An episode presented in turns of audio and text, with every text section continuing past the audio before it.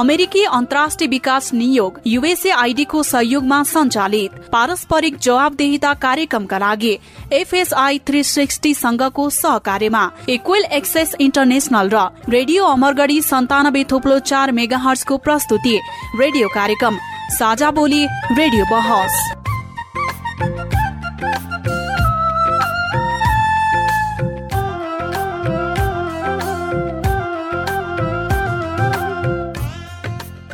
नमस्कार। साझा बोली रेडियो बहसमा तपाईँलाई स्वागत छ। म राधा फुलारा। साझा बोली रेडियो बहसमा हामी नागरिक समाज आम संचार माध्यम र सार्वजनिक निकाय बीचको पारस्परिक जवाबदेहिता र आपसी दिगो सम्बन्धका विषयमा बहस गर्छौं। पारस्परिक जवाबदेहिताका क्षेत्रीय सवाल र परिवेश समेटेर तयार पारिएको साझा बोली रेडियो बहसको यो स्थानीय संस्करण हो। आजको साझा बोली रेडियो बहस डडेलधुरामा रहेको रेडियो अमरगढी एफएम सन्तानब्बे दशमलव चार मेगा हर्जले उत्पादन गरेको छ। यो कार्यक्रमलाई तपाईँले अछाम जिल्लाको रेडियो जनप्रिय एक सय दुई दशमलव चार मेगा हर्जबाट पनि सुन्दै आउनु भएको छ। तपाईँले हरेक हप्ता एकै समयमा यो कार्यक्रमको प्रसारण तथा पुनः प्रसारण पनि सुन्न सक्नुहुनेछ। साझा बोली रेडियो बहसको यस सत्रको यो स्थानीय संस्करणको आज सत्ताइसौं भाग हो। झण्डै चार वर्ष अघिदेखि प्रसारण भइरहेको साझा बोली यस वर्ष रेडियो बहसका रूपमा उत्पादन तथा प्रसारण हुन लागेको हो। साझा बोली रेडियो बहसको आजको भागमा हामी अबको राजनीति नेतृत्वमा महिला सहभागिता सशक्त रूपमा कसरी आउन सक्छन् त अथवा महिलाको क्षमता अभिवृद्धि कसरी गर्न सकिन्छ यसै बारेमा बहस गर्दैछौ। एउटा संवादले समाज रूपान्तरण गर्न सक्छ एउटा रेडियो टक्सोले व्यक्तिको जीवनमा ठूलो उतार चढाव ल्याउन सक्ने सामर्थ्य राख्दछ। साझा बोली रेडियो कार्यक्रम अमेरिकी अन्तर्राष्ट्रिय विकास नियोग युएसएआईडी मार्फत अमेरिकी जनताहरूको सहयोगका कारण सम्भव भएको हो। यस कार्यक्रम भित्रका विषयवस्तु र सामग्री पारस्परिक जवाफदेहिता कार्यक्रमका एकल जिम्मेवारी हुन् र तिनले युएसएआईडी वा अमेरिकी सरकारको विचार प्रतिबिम्बित गर्छन् भन्ने जरुरी छैन। साझा बोली रेडियो बहसमा तपाईँलाई फेरि पनि स्वागत छ। रेडियो कार्यक्रम साझा बोलीको आजको अङ्कमा राजनीति नेतृत्वमा महिला सहभागिता सशक्त रूपमा कसरी आउन सक्छन् अथवा महिलाको क्षमता अभिवृद्धि कसरी गर्न सकिन्छ त? यसै सन्दर्भमा कुराकानीका लागि हुनुहुन्छ नेपाल पत्रकार महासंघ सुदूरपश्चिम प्रदेश अध्यक्ष योगेश रावल संचारकर्मी अमिता कुँवर महिला पुनर्स्थापना केन्द्र ओरेक अन्तर्गत मानव अधिकार र सामाजिक न्याय अभियानका संयोजक सुनिता मैनाली र प्रेस युनियनका केन्द्रीय सदस्य मेनुका ढुङ्गानासँग सहकर्मी लुकेन्द्र ओझाले कुराकानी गर्नुभएको छ। आजको साझा बोली रेडियो बहसमा हामीसँग हुनुहुन्छ नेपाल पत्रकार महासंघ सुदूरपश्चिम प्रदेशका अध्यक्ष योगेश रावलज्यू त्यसै गरी संचारकर्मी अमिता कुवरज्यू त्यसै गरी महिला पुनस्थापना केन्द्र ओरेक अन्तर्गत मानव अधिकार र सामाजिक न्याय अभियानका संयोजक सुनिता मैनालीज्यू र प्रेस युनियनका केन्द्रीय सदस्य मेनुका ढुङ्गानाजी हुनुहुन्छ यहाँहरू सम्पूर्णलाई कार्यक्रम साझा बोली रेडियो बसमा हार्दिक स्वागत छ। अब सुरुवातमा म मेनुका ढुङ्गानाज्यूबाट गर्छु। तपाईँ सुदूरपश्चिम प्रदेशको असाम जिल्लामा लामो समयदेखि पत्रकारिता गरिरहनु भएको छ। मूलत अहिले राजनैतिक नेतृत्व पनि महिलाले गरिरहेको स्थिति धेरै ठाउँहरूमा छ।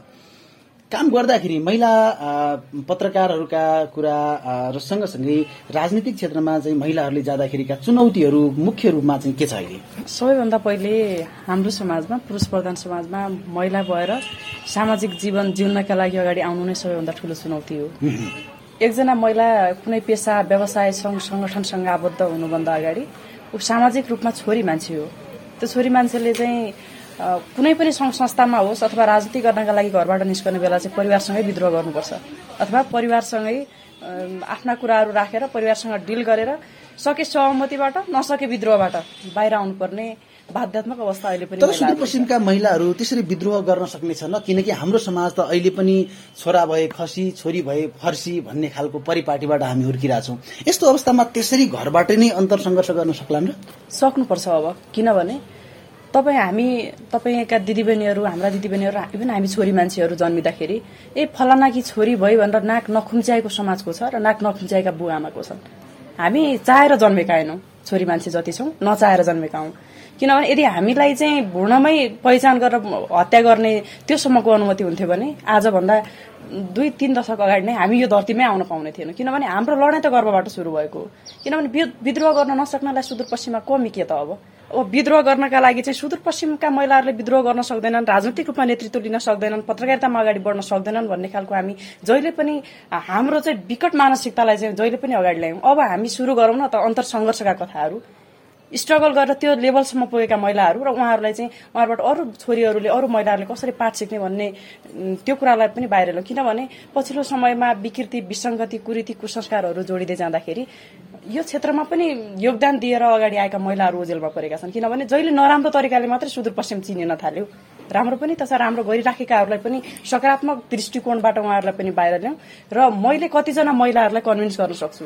मैले कतिजना छोरी मान्छेलाई चाहिँ पत्रकारितामा ल्याउन सक्छु राजनीतिमा ल्याउन सक्छु र अझै भनौँ घरभन्दा बाहिर निकाल्न चाहिँ मैले कतिजनालाई सक्छु भन्ने अब हामी फिल्डमा आइसकेका पत्रकारहरूले महिला नेतृत्वहरूले चाहिँ त्यसको जिम्मा लिनुपर्छ भन्छु म चाहिँ। हजुर त्यसै गरी म अमिता कुवरजी हुनुहुन्छ। जस्तो अहिले एउटा स्थानीय तहको कार्यकाल सम्पन्न भयो र एउटा समीक्षा गर्ने बेला पनि हो। हाम्रा धेरै जनप्रतिनिधिहरू महिला दिदीबहिनीहरूले पनि त्यहाँ लिडिङ गरिराख्नु भएको छ नेतृत्वमा हुनुहुन्छ। स्थानीय सरकारको प्रमुख वा उपप्रमुखमा महिला धेरै ठाउँहरूमा छन्। सुदूरपश्चिममा पनि जस्तो डोटीमा र डडेलधुरामा पनि प्रमुखकै रूपमा पनि काम गरिरहनु भएको छ। कतिको चाहिँ उहाँले निर्णायक रूपमा काम गर्न सक्नुभयो अथवा पुरुष र महिलाको तुलनामा जसरी विभेद गरिएको छ काम हेर्दाखेरि त तात्विक भिन्नता त पाइन्न। कसरी विश्लेषण गर्नुभयो स्थानीय तहको निर्वाचनमा महिलाको सहभागिता? मलाई के लाग्छ भने सबैभन्दा पहिला हामी महिलाहरूमा हामीले अवसर पनि नपाएको पनि भन्न म अलि रुचाउँदिनँ क्या। हामीले अवसर पाएको पनि छौँ। जस्तै अहिले भनौँ न स्थानीय तहमा उपप्रमुखको ठाउँमा अहिले महिलाहरू हुनुहुन्छ होइन? हरेक गाउँपालिका नगरपालिकामा। भनेपछि हामीले अवसर पाएका छौँ। अहिले हामी जस्तै अब अहिले नि तपाईँले आज यो कार्यक्रममा हेर्नुभयो कहिले महिला पत्रकारहरूको एउटा उपस्थिति देख्नु भएको छ। यो पनि हाम्रो एउटा ठुलो अवसर नै हो। तर जस्तै तपाईँले अहिले मलाई भनिरहँदा मैले एउटा संस्था आज चौध वर्षदेखि एउटा चलाइरहेको छु। तपाईँले अघि मलाई सुदूरपश्चिमको राम्रो भनेर एउटा मलाई जुन तरिकाले सम्मान गरेर बोलाउनु भयो त्यहाँ खडा गर्नुभयो मलाई मेरो पहिचान गराउनु भयो भनेपछि मैले अवसर पाएर नै हो। तर समस्या के छ भने हामीले अवसर पाउँछौँ क्या। त्यो अवसरलाई हामी चिन्दैनौँ एक कुरा। दोस्रो कुरा हामी अलिकति हामीमा के जस्तो लाग्छ भने अब जसरी महिला नेतृहरू आउनुभएको छ उहाँहरूको एउटा कुरा के जहिले पनि उहाँहरूले कुरा गर्दाखेरि यो किन गर्न सक्नु भएन भनेपछि उहाँ अझ पनि पुरुषबाट डोमिनेट भइराख्नु भएको छ क्या। अब यसरी हेर्दाखेरि पढे लेखेको महिला पनि देख्छौँ हामी। अब हाम्रै स्थानीय तह हेऱ्यो भने मास्टर्स गरेको महिलाहरू ट्रेनिङ दिएको महिलाहरू आउनु भएको हो भन्छौँ कि हामी। पत्रकारिताबाट आएर आउनु भएको विभिन्न क्षेत्रबाट अनुभव बटुलेर आउनुभएको महिला पत्रकार भन्छौँ होइन? त्यो महिला मसरी अब महिला स्थानीय तहमा भन्छौँ हामी। तर उहाँहरूलाई आफ्नो क्षमता ममा क्षमता छ भन्ने खालको एक तरिकाको एउटा टाइपको विश्वासै छैन क्या अर्को कुरा अघि उहाँले भन्नुभयो नि विद्रोह। एक्ज्याक्टली त्यो विद्रोह भनेको अब त्यसलाई नेगेटिभ रूप हामीले लिएको होइन। हामी नेगेटिभ लिँदैनौँ। हामीले हामी पत्रकारिता गरी चलाइरहँदा मैले एउटा संस्था चलाइरहँदा मलाई कति खालको त्यस्तो चुनौतीहरू आयो होला नि त। आज म यो चौध वर्ष भयो नि त मैले एउटा संस्था चलाइरहँदा। आज म एउटा ठाउँमा खडा भइरहेको छु भने त मैले त्यस्ता कति चुनौतीको सामना गरेँ नि त। भनेपछि विद्रोह हामीले गर्न जरुरी पनि छ क्या। अनि हामीले जुन पाएको अवसर छ त्यो अवसरलाई यदि हामीले लिएनौँ भने आज हामीले अवसर पाएको छ भोलि यिनीहरूले गर्न सक्दैनन् भनेर त्यो अवसर हामीबाट चुक्छ। त्यसले गर्दा अहिलेको भइरहेका स्थानीय तहमा जति महिलाहरू हुनुहुन्छ उहाँहरूलाई अवसर उहाँले पाउनु भएको हो। तर यदि त्यो अवसरलाई यतिकै निरन्तरता दिन सक्नु भएन यो चुनौतीलाई एउटा अवसरको रूपमा पाउनुभएको चुनौतीलाई अवसरको रूपमा यदि लिन सक्नु भएन भने यो पलायन हुने अवस्था हुन्छ। त्यसले गर्दा अब हामीले अब यो कसरी ल्याउने भन्ने कुरा गर्नुभयो भने क्षमता। क्षमता भएकै मान्छेले पाएको छ क्या अवसर। कुनै कुनै ठाउँमा होला के भन्छ त्यो टिकट पाउने या एउटा आसेर पासे भन्ने होला होइन। धेरै ठाउँमा क्षमता भएको मान्छे अब त जनमत पनि कस्तो भइसक्यो भने भोट दिने भोटर पनि अब त्यो खालको मानसिकताबाट बाँच्नु निस्किसकेका छन् क्या अब हाम्रा होइन राम्रोलाई दिनुपर्छ भन्ने मानसिकता आइसकेपछि अब अब क्षमता भएको यदि महिला त्यो ठाउँमा जानुपर्छ र जानुभयो भने अवसर पाउनु भने उहाँले त्यो काम गर्नुभयो भने यस्ता सहभागिता भन्ने कुरा आज म प्रमुखमा छ भोलि गएर मेरो अब हामी हामीले कहिले प्रश्न गर्दा तपाईँले भन्नुभयो नि स्थानीय तहमा नेतृत्व जो महिलाहरूको अब कस्तो हुन्छ म नाम लिँदैन उपप्रमुख एकजना उपप्रमुखलाई हामीले सोध्यौँ। अब तपाईँ प्रमुखमा लड्ने किन? म प्रमुखमा लड्दिनँ अब उहाँले यत्रो यो अहिलेको यो जुन चार पाँच वर्षको कार्यकाल त उपप्रमुख भएर खानुभयो नि त। खाइसक्दा उहाँले आफ्नो गाउँपालिका नगरपालिकाको हरेक समस्या त बुझ्नु भएको छ नि त। भनेपछि उहाँलाई अझ पनि आफ्नो क्षमतामा छैन कि? उहाँ आफूलाई अपग्रेड गर्न चाहनु हुँदैन अनि हामी त्यही सीमित भयो भने हामी सधैँ रहिरहन्छौँ त निरन्तर राम्रो भइरहन्छ त। कि हामी सधैँ दसै क्लासमा हुने? हामी बाह्रमा नजाने? दस क्लासमा भइरहेपछि अरूले त बाह्र त उछल दिन्छ मलाई चाहिँ मलाई त्यो लाग्छ। त्यसै गरी यति बेला हामीसँग कार्यक्रममा सहभागी हुनुहुन्छ नेपाल पत्रकार महासंघ सुदूरपश्चिम प्रदेशका अध्यक्ष योगेश रावलजी पनि हुनुहुन्छ। र विभिन्न क्षेत्रमा राजनीतिमा जाने धेरै माध्यमहरू धेरै बाटाहरू धेरै गोरेटाहरू मध्ये पत्रकारिता क्षेत्र पनि एउटा राजनीतिमा जाने बाटोको रूपमा धेरैले लिन्छन् अब अहिलेका धेरै जनप्रतिनिधिहरू पनि पत्रकारिताबाट जनप्रतिनिधि भएका साथीहरू पनि छन्। अब महिलाहरूको क्षमता अभिवृद्धि गर्नका लागि प्रदेशले अथवा नेपाल पत्रकार महासंघले के गरिरहेका छ? यहाँहरूको नेतृत्वले चाहिँ के गरिरहेका छ? यो डडेलधुरामा आयोजना भएको यो महिला भेला पत्रकार महिलाहरूको क्षमता अभिवृद्धि गर्नकै लागि आयोजना गरिएको हो। यो मात्रै होइन यो लगायतका अरू कार्यक्रमहरू पनि हामी गर्दैछौँ। जिल्ला जिल्लामा पनि महिला र पुरुषहरूका दुई- दुइटैलाई राखेर पनि क्षमता अभिवृद्धिका कार्यक्रमहरू सञ्चालन गर्दैछौँ।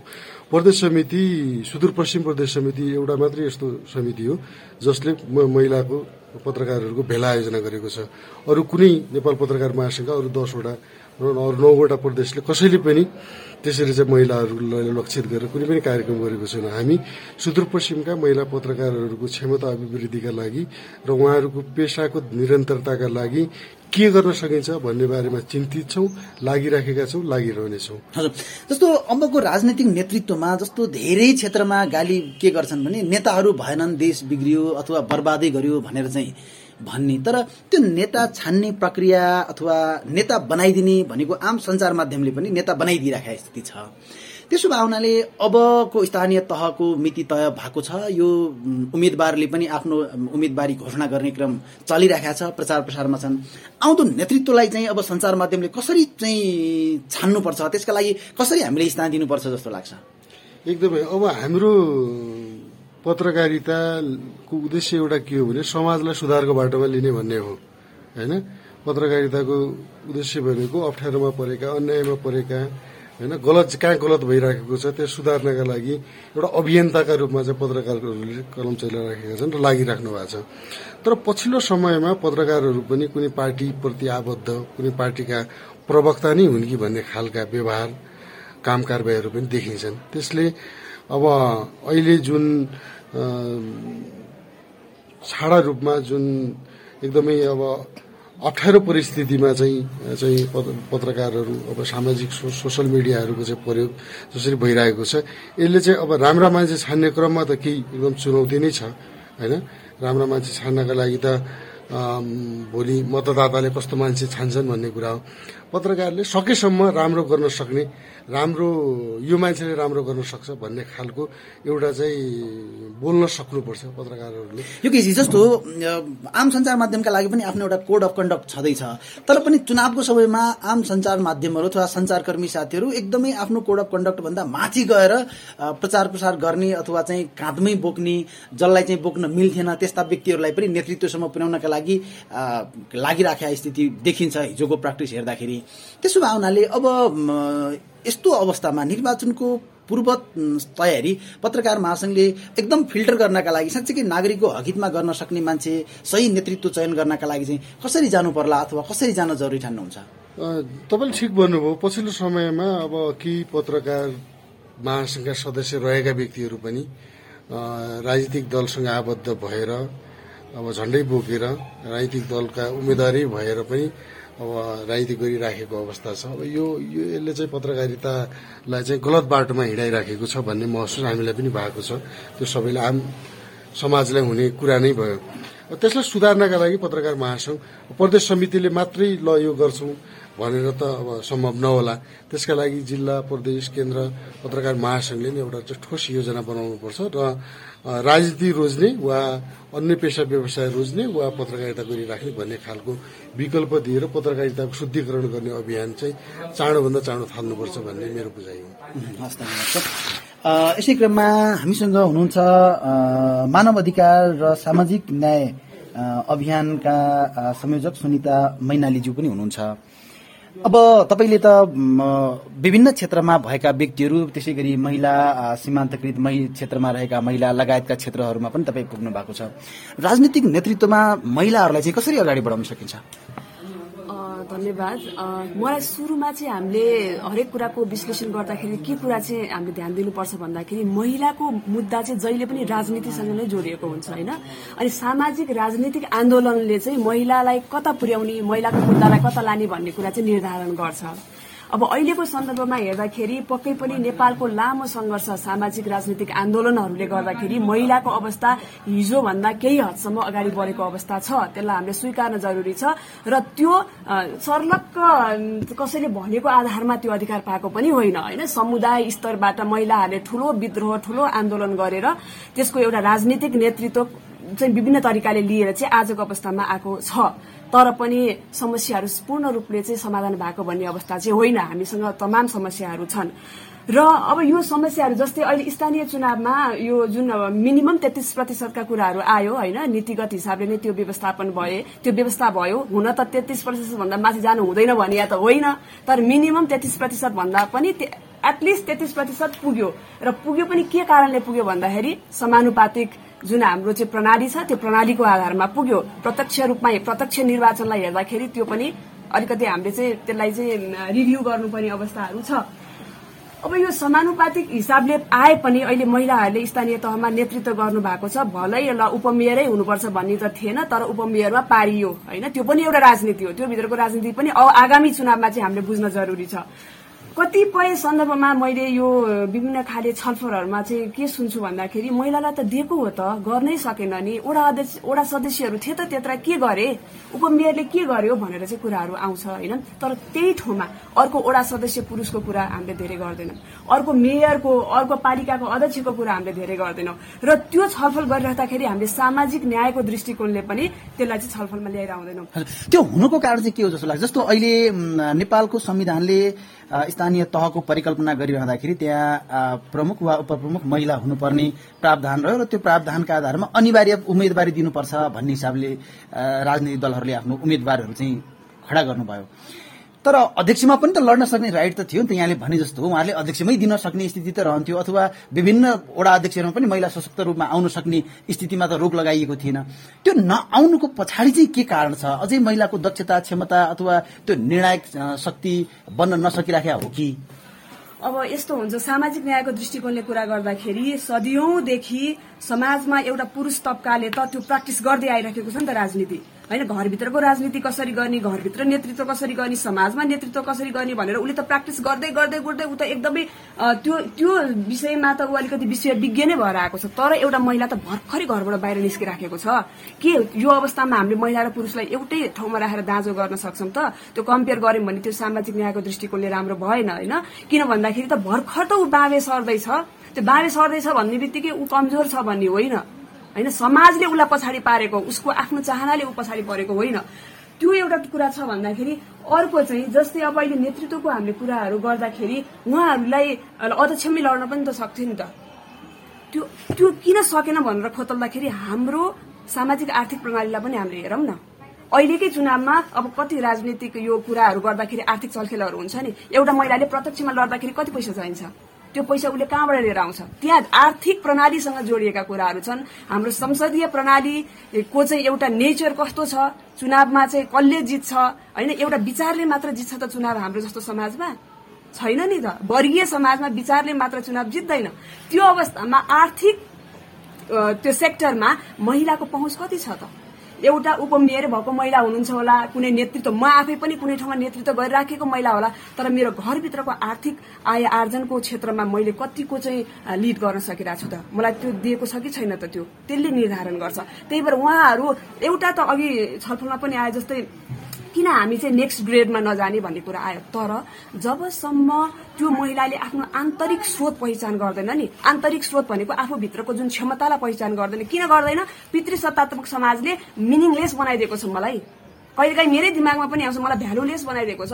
जबसम्म मेरो आन्तरिक स्रोतमा मेरो चाहिँ त्यो एक्सेस हुँदैन नि। तबसम्म मैले कसरी मलाई बिलिभ गर्नु? मैले मलाई बिलिभ नगर्नुको कारण म होइन। मेरो सामाजिक संरचना मेरो पारिवारिक संरचना देशको आर्थिक प्रणाली जसले चाहिँ मलाई मेरो मानसिकतालाई चाहिँ त्यो तरिकाले चाहिँ पुर्याइराखेको छ भनेपछि लेट्स अब यो सकारात्मक हिसाबले हेर्दाखेरि अहिलेसम्मको परिवर्तनलाई हामीले स्वागत योग्य नै मान्नुपर्छ। र यो परिवर्तनलाई अझ धेरै चाहिँ वृहत बनाउनको लागि चाहिँ हामीले महिलाको नेतृत्व सँगसँगै सामाजिक आर्थिक राजनीतिक प्रणालीलाई पनि केलाउँदै जाउँ अब जस्तो यो विषयमा कुरा गर्दाखेरि यो जनवादी केन्द्रीयताको कुरा गर्ने हो भने स्थानीय लेभलबाट महिलालाई सशक्त रूपमा दिनुपर्छ भन्ने खालको कुरा उठे तापनि अझै पनि केन्द्रीयता लाद्ने परिपाटी यथावत नै छ। नेताको लिडरको नजिक बन्न सकेनन् भने ती महिलाहरूले अहिले पनि टिकट पाउँदैनन्। यस्तो खालको विभेदकारी नीति त अहिले पनि प्रत्येक राजनीतिक पार्टीहरूमा यथावत नै छ। त्यसलाई कसरी चिरफार गर्ने? अब यो अल्टिमेटली यो चाहिँ कहाँ जान्छ भन्दाखेरि हाम्रो राजनीतिक नेताहरू कुनै चन्द्रमाबाट आएका होइनन्। हाम्रा राजनीतिक नेता यही समाजका हुन्। समाजमै हुर्कियो बढ्यो। यही समाजकै संस्कार संरचनाले नै उहाँहरूको मानसिकता बनाएको छ। सैद्धान्तिक हिसाबले विभिन्न सिद्धान्तहरू अवलम्बन गरिन्छ होला तर व्यवहारिक हिसाबले त यही समाजमा छौँ हामी। त्यो जुन पितृ सत्तात्मक सोच त्यो संरचना छ नि म चाहिँ बलवान मैले गर्न सक्छु अरूले गर्न सक्दैन। यो महिलाको मात्र इस्यु भएन। यो सीमान्तकृत समुदाय दलितको कुरा होला मधेसीका कुराहरू तमाम जो समुदाय पछाडि पारिएको छ त्यो समुदायको नेतृत्वको कुरा हो क्या यो? त्यही भएर चाहिँ हाम्रो नेतृत्वमा कसरी यो एउटा ट्रान्सफर्मेसनल लिडरसिप भन्छ यो रूपान्तरित नेतृत्वको चाहिँ कसरी विकास गर्ने? त्यो चाहिँ महत्वपूर्ण हुन्छ। डेफिनेटली पोलिटिकल पार्टिजहरूमा पनि यो रूपान्तरित नेतृत्व नहुनु पितृसत्तात्मक सोचले उहाँहरू ग्रसित हुनु यही कारणले गर्दाखेरि पनि महिलाहरूलाई चाहिँ समानुपात जसरी पनि देखाउनु परेको छ तेत्तिस प्रतिशत।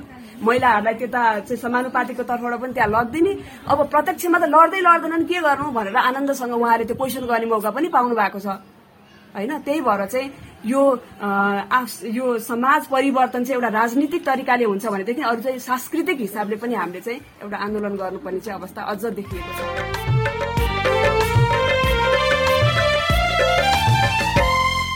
यति बेला तपाईँ सुन्दै हुनुहुन्छ साझा बोली रेडियो बहस। साझा बोली रेडियो बहसमा हामीसँग कुराकानीको क्रममा हुनुहुन्छ यतिखेर संचारकर्मी अमिता कुवरज्यू त्यसै गरी मानव अधिकार र सामाजिक न्याय अभियानका संयोजक सुनिता मैनालीज्यू त्यसै गरी प्रेस युनियनका केन्द्रीय सदस्य मेनुका ढुङ्गानाज्यू र पत्रकार महासंघका सुदूरपश्चिम प्रदेशका अध्यक्ष योगेश राउज्यू हुनुहुन्छ र यो कार्यक्रम यतिखेर डडेलधुरामा रहेको अमरगढी फिल्म सन्तानब्बे थुप्रो चार मेगाज र असाममा रहेको रेडियो जनप्रिय एक सय दुई दशमलव चार मेगाजबाट पनि यो कार्यक्रम यहाँले सुनिरहनु भएको छ र विगतमा पनि सुन्दै हुनु भएको छ। म मेनुका जितिर आउँछु जस्तो हाम्रो सुदूरपश्चिम प्रदेश त्यसमा पनि अछाममा जहिले पनि छाउपडीका गोठहरू भत्काइए भन्ने न्युजहरू आइरहन्छन् फेरि बने भन्ने न्युजहरू आइरहन्छन्।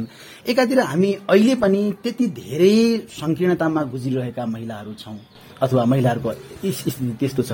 र अर्कोतिर हामीले फ्रेन्डली लड्नुपर्छ पुरुष र महिलाहरू समान हौ विभेद गर्नु हुँदैन हामी बराबर छौँ भनेर अर्कोतिरबाट हामी बहस गरिरहेका छौँ। कतै यो तालमेल नमिलेको हो कि जस्तो लाग्दैन? यदि सबै कुराको तालमेल मिल्थ्यो भने त समस्या आउँथेन। जब तालमेल मिल्दैन दुई कुराहरू जस्तो तपाईँ र म सबै कुरा सहमति होइन बहस केमा हुने। सहमति बहस गर्नको लागि पनि विमति चाहिन्छ भन्ने मलाई लाग्छ। अर्को कुरा जस्तो अघि सुन्ता म्यामले पनि धेरै कुराहरू भनिसक्नुभयो होइन। महिलाहरूको अवस्था के हो सामाजिक अवस्था के हो भनेर। छाउ गोठको कुरा छ जहाँसम्म त्यो चाहिँ अहिले पनि कुप्रथा हो भन्न सक्ने आँट एउटा हामीले समाजमा बौद्धिक वर्ग भनिदिएकाहरूले पनि भन्न सकेको अवस्था छैन। अब सामान्य महिलाहरूको के कुरा गर्नु? जस्तो म पत्रकार विभिन्न विषयमा लेख्दै गर्दाखेरि छाउपडीको विषयमा अलि धेरै लेख्न पुगेछु किनभने आफैले भोगिराखेको पीडा भएर पनि। अब भन्नुहोस् म अहिले तपाईँसँग इन्टरभ्यू पनि दिइरहेको छु अर्को ठाउँमा पनि गएर बोलिराखेको छु अर्को ठाउँमा पनि बोलिराखेको छु। हाम्रो स्थानीय भाषामा साँझ म छाउ भएँ ल्याऊ थाङ्ना ल्याऊ र गोठा जान्छु। यदि मैले भन्न थाल्यो भने यो समाज परिवर्तनको ठेक्का म कसलाई दिउँ त्यो जिम्मा त मैले लिनु पर्यो नि मेरो। हो त्यस्तैले बिगारेको समाज हो कि? जो दिनभरि भाषण पनि गर्छन् छाउपडी कुप्रथाउ पनि भन्छन् छाउगोठ भत्काउनु पर्छ पनि भन्छन् र अभियान पनि चलाउँछन्। तर साँझ त्यो महिला गोठमा जान्छन्।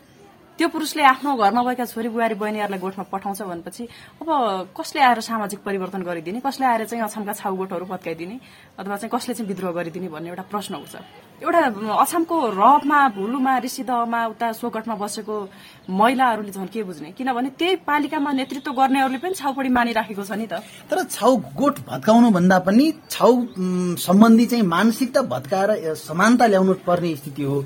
यो विषयमा हामीले प्रदेशका मन्त्रीज्यूहरू सामाजिक विकास मन्त्रीज्यूसँग पनि केही समय पहिले मैले इन्टरभ्यू लिएको थिएँ। यसलाई चाहिँ कसरी कम गर्न सकिन्छ? पूर्ण रूपमा शून्यमा झार्न त नसकेला। कम गर्दै कसरी लैजान सकेला? तपाईँले भनेको कुरामा मेरो पनि शत प्रतिशत सहमति छ। किनभने पहिला चाहिँ मनकै छाउगुटको भत्किनुपर्छ भन्ने मेरो पनि बनायो तर पछिल्लो समयमा जो मनको छाउगुट एउटा चाहिँ ट्याग लगाइएको छ कि अछाममा हेर्नुहुन्छ भने म अछामका एकानब्बेवटा वार्डमा पुगेर मैले रिपोर्टिङ गरेको छु। प्रत्येक वार्डका महिलाहरूको अवस्था मलाई थाहा छ तर त्यहाँ चाहिँ छाउपडी कुप्रथा हो कुचलन हो कारवाही हुन्छ भन्ने जानकारी नपाएको महिला कोही छैन।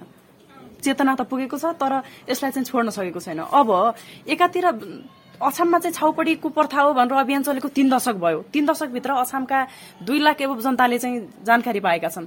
जानकारी पाउँदा पाउँदा पनि छोड्न नसक्नुको पछाडि त विकल्प खोज्नु पर्यो नि। त्यो हुँदा त कानून बनायौं। कानून बनाउनका लागि अझै सुदूरपश्चिमका पत्रकारहरूको धेरै ठूलो भूमिका छ। किनभने हामी पटक पटक लेखिराख्यौं। त्यो कानून बन्यो कानून बनिसकेपछि अझै पनि त्यो छाउगोट भत्काउने अर्थमा चाहिँ जनचेतनाको पार्टलाई चाहिँ पूर्ण रूपमा बन्द गर्नुपर्छ भन्ने होइन त्यो पनि जोडिएको छ। तर त्यो सँगसँगै अब बल प्रयोग पनि एउटा माध्यम हो। किनभने मेरो आमा पुस्ताहरूले चाहिँ छाउगोट भत्काएको मन पराउनु न तर मेरो पुस्ताको जो पछिल्लो समयका जो किशोरीहरू हुनुहुन्छ उहाँलाई त्यो भत्काएको मन परेको छ कि? किनभने उहाँहरूले आफै बोल्न सक्नु भएको थिएन कसैले आएर विद्रोह गरिदिएको छ उहाँ होसेमा हैसे गरिराख्नु भएको छ। त्यसकारण कानूनको पालना गर्दै छाउ गोठ ज्यानमा हो त्यो भत्काउनु पर्छ त्यहाँ बस्नु हुँदैन। र त्यसको अर्थ चाहिँ फेरि त्यो छाउगोठ भत्काइसकेको त्रिपालमा बस्नु भन्ने होइन। घरभित्र बस्न पाउनुपर्छ महिलाले चाहिँ बाँच्न पाउने अधिकारको चाहिँ सुरक्षित हुनुपर्छ भन्ने हो। त्यसकारण जनचेतना मनका छाउगोठहरू एकातिर छ भने ज्यानमारा छाउगोठहरू भत्काउनु पर्छ भत्किनै पर्छ र त्यसका लागि लाग्ने पर्छ। मेनकाजी म तपाईँसँग म यो विषयमा फेरि म आउँछु तपाईँसँग। त्योभन्दा पहिला महासङ्घ अध्यक्षज्यूसँग कुरा गरेँ। जस्तो सुदूरपश्चिम प्रदेशमा पनि सामाजिक विकास मन्त्रालय छ जसले यस्ता सामाजिक समस्याका लागि समाधान गर्नका लागि विभिन्न खालका प्रयास पनि गरिरहेका छ। स्थानीय तहमा पनि उपप्रमुखको संयोजकत्वमा विविध कार्यक्रमहरू छन्। अब महासङ्घले जुन सुदूरपश्चिमका थिमेटिक एरियाहरू जस्तो शिक्षा होला स्वास्थ्य होला अथवा अन्य यी महिलाका मुद्दाहरू होलान् यी विषयहरूको सुधार गर्नका लागि प्रदेशको सरकारसँग कसरी पहल गर्छ अथवा कसरी जान जरुरी ठान्नुहुन्छ यहाँले? हाम्रो प्रदेशको समस्या समाधान गर्नका लागि यस्ता रूढिवादी सामाजिक जुन समस्याहरू छन्। ती रूढिवादी परम्पराहरूलाई तोड्नका लागि त सुदूरपश्चिमका पत्रकारहरूले विगत लामो समयदेखि लेख्दै आएका छन् र लेखि लेखिराखेका पनि छन्। होइन अब केही हदसम्म अब सुधार नै भएन केही चेन्ज नै भएन भन्न त मिल्दैन। केही हदसम्म चेन्ज पनि भएको छ। हिजो हाम्रो हजुरबाका पालामा को चलन हजुरबाले अँगाल्दै आएको जुन परम्परा छ त्यो बुवाको स्टेजमा आइसकेपछि केही चेन्ज भयो र हाम्रो पालामा आउँदा चाहिँ अलिकति चेन्ज भएको छ। चेन्ज अब कर्मिक रूपमा हुने क्रममा पनि छ। अब त्यसो भन्दैमा यो कर्मिक रूपमा हुँदै गर्ला नि त हुँदै गर्छ। केही बिस्तारै चेन्ज भइराखेको छ भनेर चुप लाग्ने पनि होइन। जस्तो अहिले प्रदेशका मन्त्रीहरू महिलाहरू नै हुनुहुन्छ थुप्रै ठाउँहरूमा अथवा कतिपय स्थानीय पालिकामा पनि प्रमुख महिला हुनुहुन्छ उपप्रमुख महिला हुनुहुन्छ। तपाईँले समन्वय गर्दाखेरि कतिको महिलाको नेतृत्व गर्ने ती मन्त्रीहरू अथवा मान्यहरू अथवा पालिकाका प्रमुख उपप्रमुखहरू मेयरहरू कतिको समन्वय गर्छन्? महिलाको मुद्दामा उहाँहरूको एकबद्धता समर्थन रहेको कतिको पाउनुभयो तपाईँले रिपोर्टिङ गर्दा हेर्दाखेरि? यो सबैभन्दा प्रमुख कुरा के हो भने मुखले चाहिँ सबले चाहिँ राम्रो भन्छन्। महिलाहरूले पनि राम्रो भन्नुहुन्छ पुरुषहरूले पनि राम्रो भन्नुहुन्छ। महिलाका मुद्दामा दलितका मुद्दामा सीमान्तकृतका मुद्दामा पछाडि पारिएकाहरूका पक्षमा बोल्ने कुरामा चाहिँ सबै बोल्छन् भन्छन् प्रतिबद्धता पनि व्यक्त गर्छन्। तर त्यो कार्यान्वयन हुँदैन। कार्यान्वयनको चरणमा आइपुग्दा चाहिँ ती कुराहरू चाहिँ प्रतिबद्धताहरू गौण भइदिन्छन्। होइन अब त्यो आफ्ना प्रतिबद्धताहरू बिर्सिदिने परिपाटी छ। त्यसले गर्दा पनि अब मुखले भनेर मात्रै हुँदैन। त्यसलाई व्यवहारमा पनि ल्याउनु पर्छ र मैले जति ठुला भनौँ न परिवर्तनका कुरा गरे पनि म आफूले आफूलाई परिवर्तन गर्न सकेन भने त परिवर्तनका नारा परिवर्तनका लागि चाहिँ भाषण गरेको त कुनै अर्थ रहेन जस्तो अहिले धेरै ठाउँहरूमा यो अनियमितताका कुराहरू गरिरहनुहुन्छ ज स्थानीय तह आइसकेपछि यसले करप्सन चाहिँ हत्तै बढ्यो भन्ने खालका कुराहरू धेरैले गरिरहनुहुन्छ धेरैले विरोध गरिरहनुहुन्छ। र महिलाहरू भएका संस्थाहरू संगठनहरू अथवा संरचनाहरूमा त्यो टाइपको चाहिँ त्यति धेरै छैन है अथवा महिलाहरू अलिकति इमान्दार हुन्छन् है भन्ने खालको पनि छ। त्यसले जुन अहिलेको विकृति विसङ्गति बढ्यो भन्नेहरूका लागि महिला नेतृत्व भयो भने के हदसम्म सुधार गर्न सकिने सम्भावना आधारहरू कतिको देख्नुहुन्छ तपाईँले? ठिक कुरा गर्नुभयो। जस्तै उपभोक्ता समिति गठन गर्दा हरेक उपभोक्ता समितिमा कोषाध्यक्ष चाहिँ महिला। अब त्यसको कारण दुईटा छ। एउटा कारण चाहिँ महिलाहरू चाहिँ इमान्दार हुन्छन्। कुनै पनि आर्थिक हिनामिना गर्दैनन् भन्ने एउटा कारण हो। अर्को कारण चाहिँ महिलाहरू फकायो भने यो सिग्नेचर गर्न ब्याङ्कबाट पैसा झिक्न चाहिँ सजिलो हुन्छ भन्ने दुईवटा कारण हो होइन। कुन कारणले मान्छेले चाहिँ महिलालाई कोषाध्यक्षमा राख्यो भन्ने पनि हो। महिलाहरू निश्चित रूपमा तपाईँ हामीले सबैले देखेको भएको कुरा हो। महिलाहरूले चाहिँ आर्थिक अनियमितताका कुरा र बदमासी गर्ने कुरामा चाहिँ पुरुषको तुलनामा महिलाहरू पक्षबाट कम नै भएको देखेको भोगेको कुरा हो त्यो त। मेनकाजी म फेरि तपाईँतिर आए।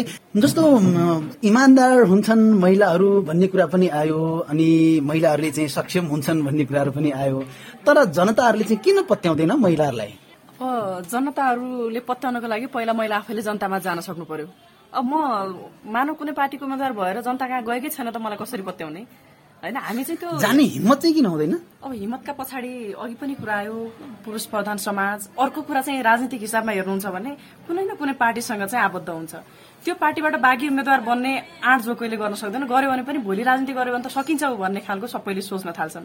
यदि चाहिँ बाघी उम्मेद्वार भएर स्वतन्त्र उम्मेद्वार भएर कुनै पार्टी आफ्नो आस्था मानिराखेको पार्टीका विरुद्धमा चाहिँ जान नसक्नु नै यसको परिणाम हो। किनभने पार्टीले महिलालाई पत्याउँदैन। महिलाले स्वतन्त्र रूपमा भएर जानका लागि भोलि राजनीति गर यो गर त्यो गर भोलि कसैको साथ पाइँदैन त्यस कारणले गर्दाखेरि चाहिँ महिलाले आँट गर्दैनन्। अर्को कुरा चाहिँ जस्तो महिलाले चाहिँ किन खुला रूपमा अगाडि आउन चाहँदैनन् भनेपछि आफैमाथि पनि विश्वास नगरेको हो कि भन्ने मलाई यता गर्दा लाग्छ। आफ्नो क्षमतामाथि पनि विश्वास नगरेको हो कि भन्ने लाग्छ। जस्तो असमको कुरा गर्छु म असमका स्थानीय तवरमा जाँदै गर्दाखेरि हामीले धेरै अपेक्षा गरेका महिलाहरू पनि जनप्रतिनिधि भएर आउनुभयो। तर मैले बुझेको के हो भने स्थानीय तहमा प्रमुख र उपप्रमुख जो महिलाहरू हुनुहुन्छ त्यो प्रमुख र उपप्रमुख महिलाहरूको चाहिँ त्यो प्रमुखको अनुपस्थितिमा मात्रै उपप्रमुखले चाहिँ काम गर्ने भन्ने छैन कतै पनि।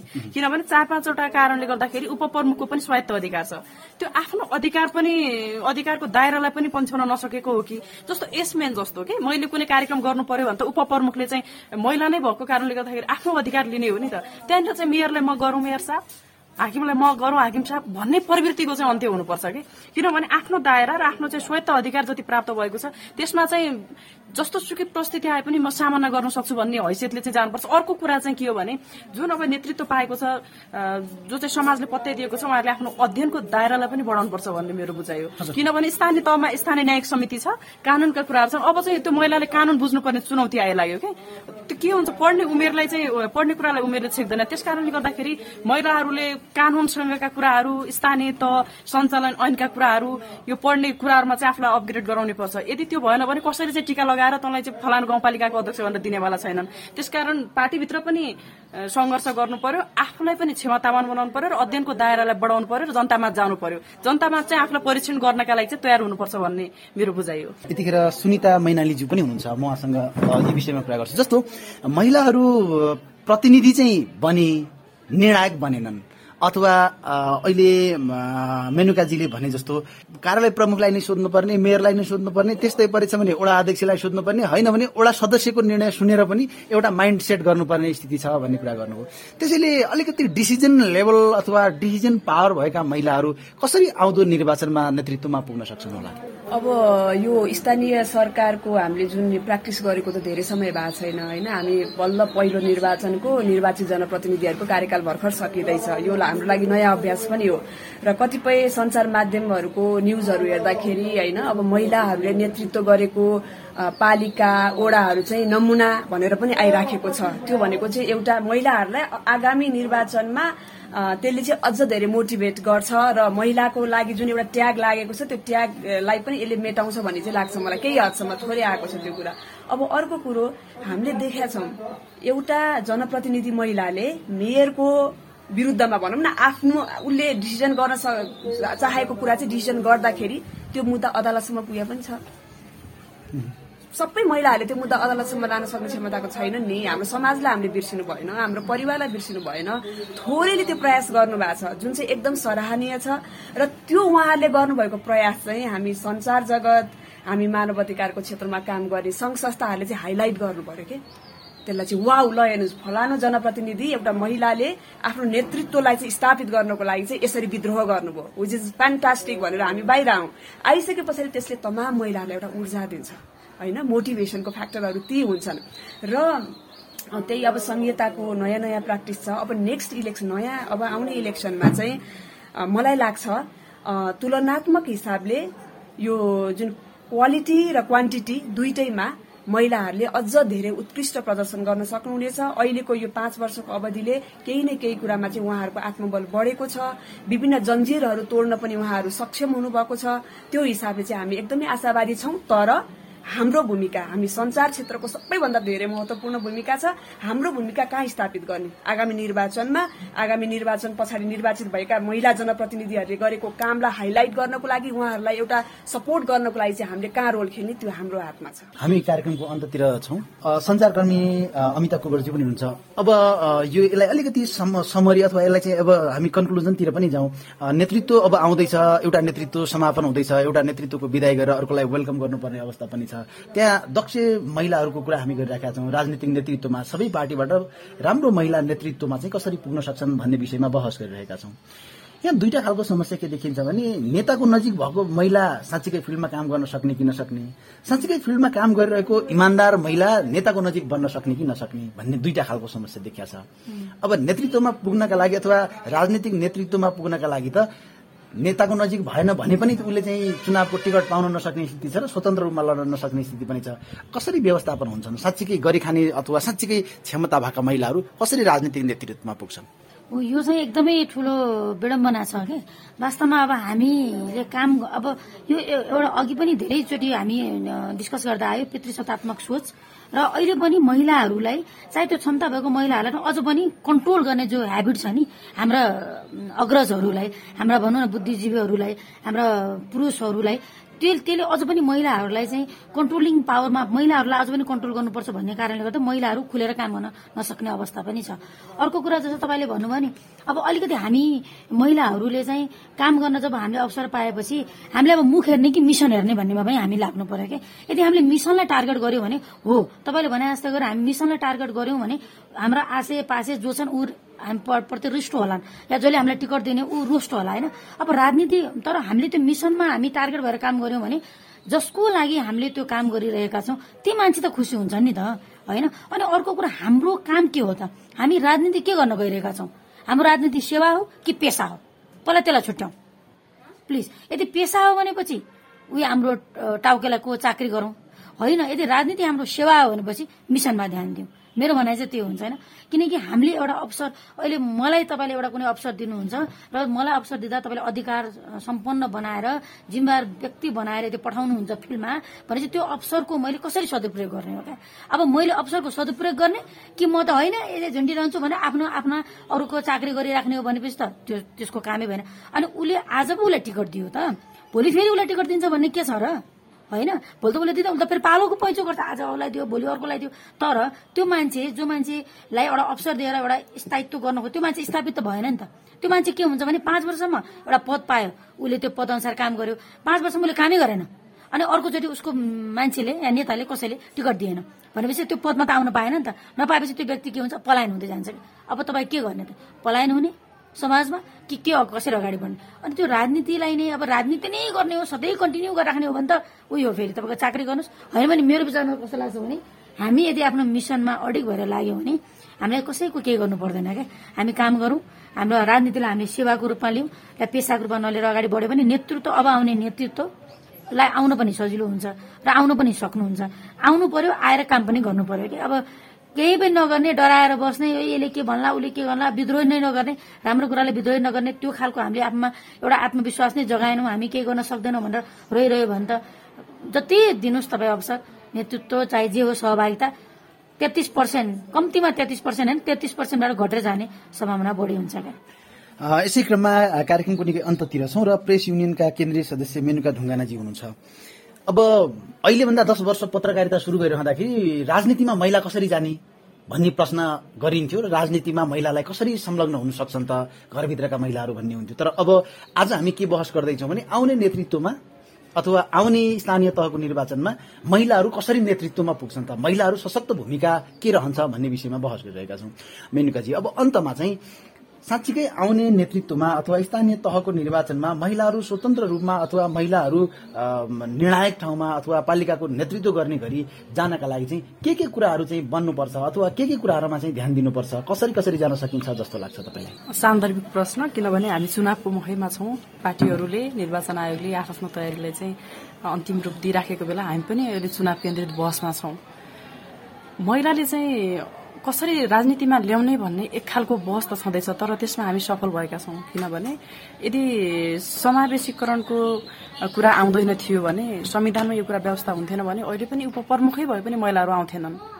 यसमा चाहिँ म ढुक्क छु। किनभने दिने भए त प्रमुख उपप्रमुख मात्रै देऊ भनेको होइन नि संविधानले। तर उपप्रमुख मात्रै दिनुको पछाडि त प्रमुखमा त दिनुपर्ने भएकाले बाध्यात्मक अवस्था संविधानले सिर्जना गरिदिएको कारण मात्रै महिलाहरूलाई एउटा दिएकै हो। तर अछाममा दसवटा स्थानीय तह छ। दसवटा स्थानीय तहमा चाहिँ अछामको दुईवटा स्थानीय तहमा महिला प्रमुख पनि हुनुहुन्न उपप्रमुख पनि हुनुहुन्न। इभन अछामको जिल्ला समन्वय समितिमा पनि महिला उपप्रमुख उपसंयोजक पनि हुनुहुन्न। कारण के हो भने त्यहाँ चाहिँ राजनीतिक दलहरूबीच कुरा मिलाइन्छ। जस्तो एकजना पुरुषले स्वतन्त्र रूपमा उम्मेद्वारी हाल्छ अनि एकजना प्रमुख पुरुषमा उसले चाहिँ उम्मेदवारी हाल्छ र अर्को चाहिँ त्यही पार्टीको तालमेल मिलाएर चाहिँ स्वतन्त्रताका नाममा अर्को उम्मेदवारी हालिन्छ र अर्को पार्टीले चाहिँ त्यहाँ हार्ने अवस्था आएपछि उसले उम्मेदवारी दिँदैन। त्यो अवस्थामा के हुन्छ भनेपछि त्यहाँ चाहिँ प्रमुख पनि पुरुष उपप्रमुख पनि पुरुष र भन्न सजिलो के हो भने महिलाको उम्मेदवारी आएन। तर कारण पछाडि के छ भने महिलालाई उम्मेदवारी दिनबाट वञ्चित गराइएको छ। किनभने पार्टीको कुरो छ। पार्टीको चाहिँ त्यहाँ केन्द्रीयता लाद्ने कुरा छ। महिलाहरूलाई पनि स्वाभाविक रूपमा लाग्छ र असामको समन्वय समिति असामका दुईवटा स्थानीय तहहरू प्रमुख र उपप्रमुख पदमा अहिले पनि हुनुहुन्न। अबको चुनौती के हो भने राजनैतिक दलहरूको अन्डरस्ट्यान्डिङमा त त्यहाँ चाहिँ उम्मेदवारी महिलाले नदिँदा पनि पुरुषले लैजाँदो रहेछ नि त खोज्न सक्दो रहेछ भन्ने खालको सिकाइ भएको छ।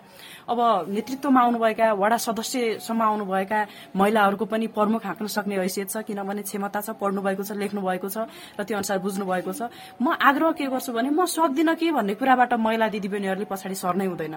जे आउँछ म त्यसलाई फेस गर्छु। एकजना दस क्लास पास गरेको पुरुषले त्यो हाँक्न सक्छ भने एकजना चाहिँ ब्याचलर पास गरेको लेडिजले किन हाँक्न सक्दैन? के कमी भयो मसँग? भन्ने आत्मसमीक्षा गर्न जरुरी छ। म गर्न सक्छु आई क्यान डु भनेर चाहिँ महिलाहरूले फिल्डमा आउनुपर्छ पहिलो कुरा। जब मैले अघि पनि भने महिलाहरूले इच्छा शक्ति देखाएन मेरो पार्टीले दिन्छ कि दिँदैन पार्टीले दियो भने चुनाव लड्ने हो नत्र म लड्दैन भन्ने खालका तर्कहरू दिन थाल्यो भने त्यो पार्टीले चुनाव दिँदैन। अब चाहिँ म राजनीतिक दलहरूलाई पनि आग्रह गर्छु। किनभने एकपटक महिलालाई नेतृत्व दिएर हेर्नुहोस् न त के चेन्ज आउँछ कि। अथवा चाहिँ उहाँहरूले के आफ्नो कार्यशैलीमा फरक पनि ल्याउन सक्नुहुन्छ कि। सबैभन्दा पहिलो चाहिँ लभिङ राजनैतिक दलहरूलाई महिलालाई उम्मेद्वार बनाऊ भनेर नै जोड दिने हो। त्यो हुँदा महिलाहरूले पनि मेरो क्षमता मैले चाहिँ मापन गर्नको लागि मेरो आफ्नो निर्णय मात्र होइन मैले चाहिँ समाजको निर्णय लिनुपर्छ समाजको मत लिएर मैले काम गर्न सक्नुपर्छ भन्ने खालका कुराहरू चाहिँ महिलाहरूले बुझ्न जरुरी छ। नेतृत्वमा हुनुभएका अहिलेका महिलाहरूले जस्तो यो संघीयताको अभ्यास त बल्ल बल्ल शुरू भयो एउटा कार्यकाल मात्रै शुरू भयो। यो चाहिँ उहाँहरूले अबको पिरियडमा चाहिँ सिक्नुभयो सिकाइको रूपमा यो कार्यकाल सकियो। अब उहाँहरूले आफूलाई चाहिँ त्यसमा पोख्त बनाएर अबको नेतृत्व लिने गरी चाहिँ उभिनुपर्छ। त्यसका लागि चाहिँ म सबैभन्दा मनको डरलाई हटाउनुपर्छ। म सक्छु मैले नेताहरूसँग पनि बहस गर्न सक्छु जनताका माझमा गएर पनि आफूलाई चाहिँ सफल भएको प्रमाणित गर्न सक्छु भन्ने आँटुनुपर्छ अर्को चाहिँ समस्या महिलालाई के छ भने जस्तो म पत्रकारिता गरिराखेको छु मैले लेखेको समाचार मैले लेखे मैले नै लेखेको भनेर मैले मेरो मिडिया हाउसलाई प्रुफ गर्नुपर्ने अवस्थामा हामी छौँ। शङ्का गर्छन् हाम्रो क्षमतामाथि विश्वास हुँदैन। किनभने म मलाई त्यो अनुभव छ कि सुरु सुरुमा आजभन्दा छ सात वर्ष सात वर्ष अगाडि म कान्तिपुरमा काम गर्दाखेरि यो मेनुकाले साँच्चीकै समाचार लेख्छ त। अथवा उसको कोही बोयफ्रेन्ड छ कि भन्नेसम्मका त्यो अवस्थामा म पुगेको मलाई अनुभव छ कि?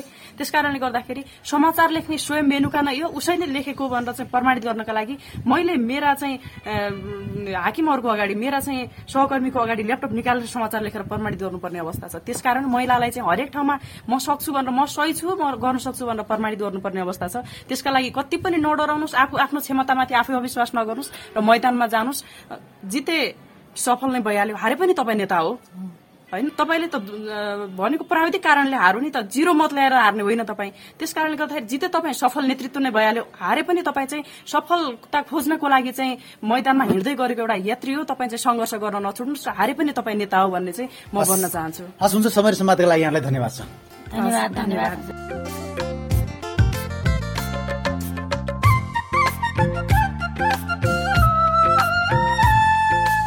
साझा बोली रेडियो बहसमा अबको राजनीति नेतृत्वमा महिला सहभागिता सशक्त रूपमा कसरी आउन सक्छन् अथवा महिलाको क्षमता अभिवृद्धि कसरी गर्न सकिन्छ त?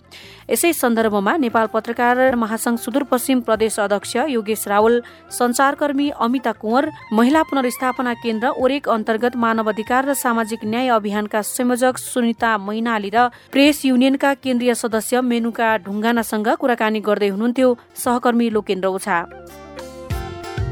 हामी साझा बोली रेडियो बहसको अन्त्यमा आइपुगेका छौं। साझा बोली रेडियो बहसबारे मनका कुरा भन्नको लागि एनटिसीको मोबाइल वा ल्यान्डलाइन फोन प्रयोग गर्नुहुन्छ भने सोह्र साठी शून्य एक शून्य शून्य चार पाँच नौमा फोन गर्न सक्नुहुन्छ। एनसेल प्रयोग गर्नुहुन्छ भने अन्ठानब्बे शून्य पन्ध्र एकहत्तर शून्य उन्तिसमा फोन गर्नुहोला। यी नम्बरहरूमा फोन गरेको पैसा लाग्दैन र प्राप्त निर्देशन अनुसार प्रश्न सोध्न सकिन्छ। पारस्परिक जवाबदेहिता बारे आफूले देखे सुने या भोगेका कुनै कुरा लेख मार्फत व्यक्त गर्न चाहनुहुन्छ वा अरूका लेखहरू पढ्न चाहनुहुन्छ भने डब्लु डट मेरो रिपोर्ट लगइन गर्न सक्नुहुन्छ। साझा बोली रेडियो बहस तपाईँले मेरो रिपोर्ट वेबसाइट पोडकास्ट च्यानल र सामाजिक सञ्जालहरूमा पनि सुन्न सक्नुहुन्छ। हवस् त आजको साझा बोली रेडियो बहसबाट अब विदा हुने बेला भयो। आज हामीले अबको राजनीति नेतृत्वमा महिला सहभागिता सशक्त रूपमा कसरी आउन सक्छन् त यसै बारेमा खरो कुराकानी गर्यौं। यतिन्जेल ध्यान दिएर कार्यक्रम सुन्नु भएकोमा तपाईँलाई धन्यवाद। आगामी हप्ता पनि आजको जस्तै समयमा सार्वजनिक जवाबदेहिताको अर्को विषयमा खरो छलफल लिएर आउने नै छौ। सुन्न नबिर्सनुहोला। आजको कार्यक्रमबाट म राधा फुलारा विदा भए। नमस्कार।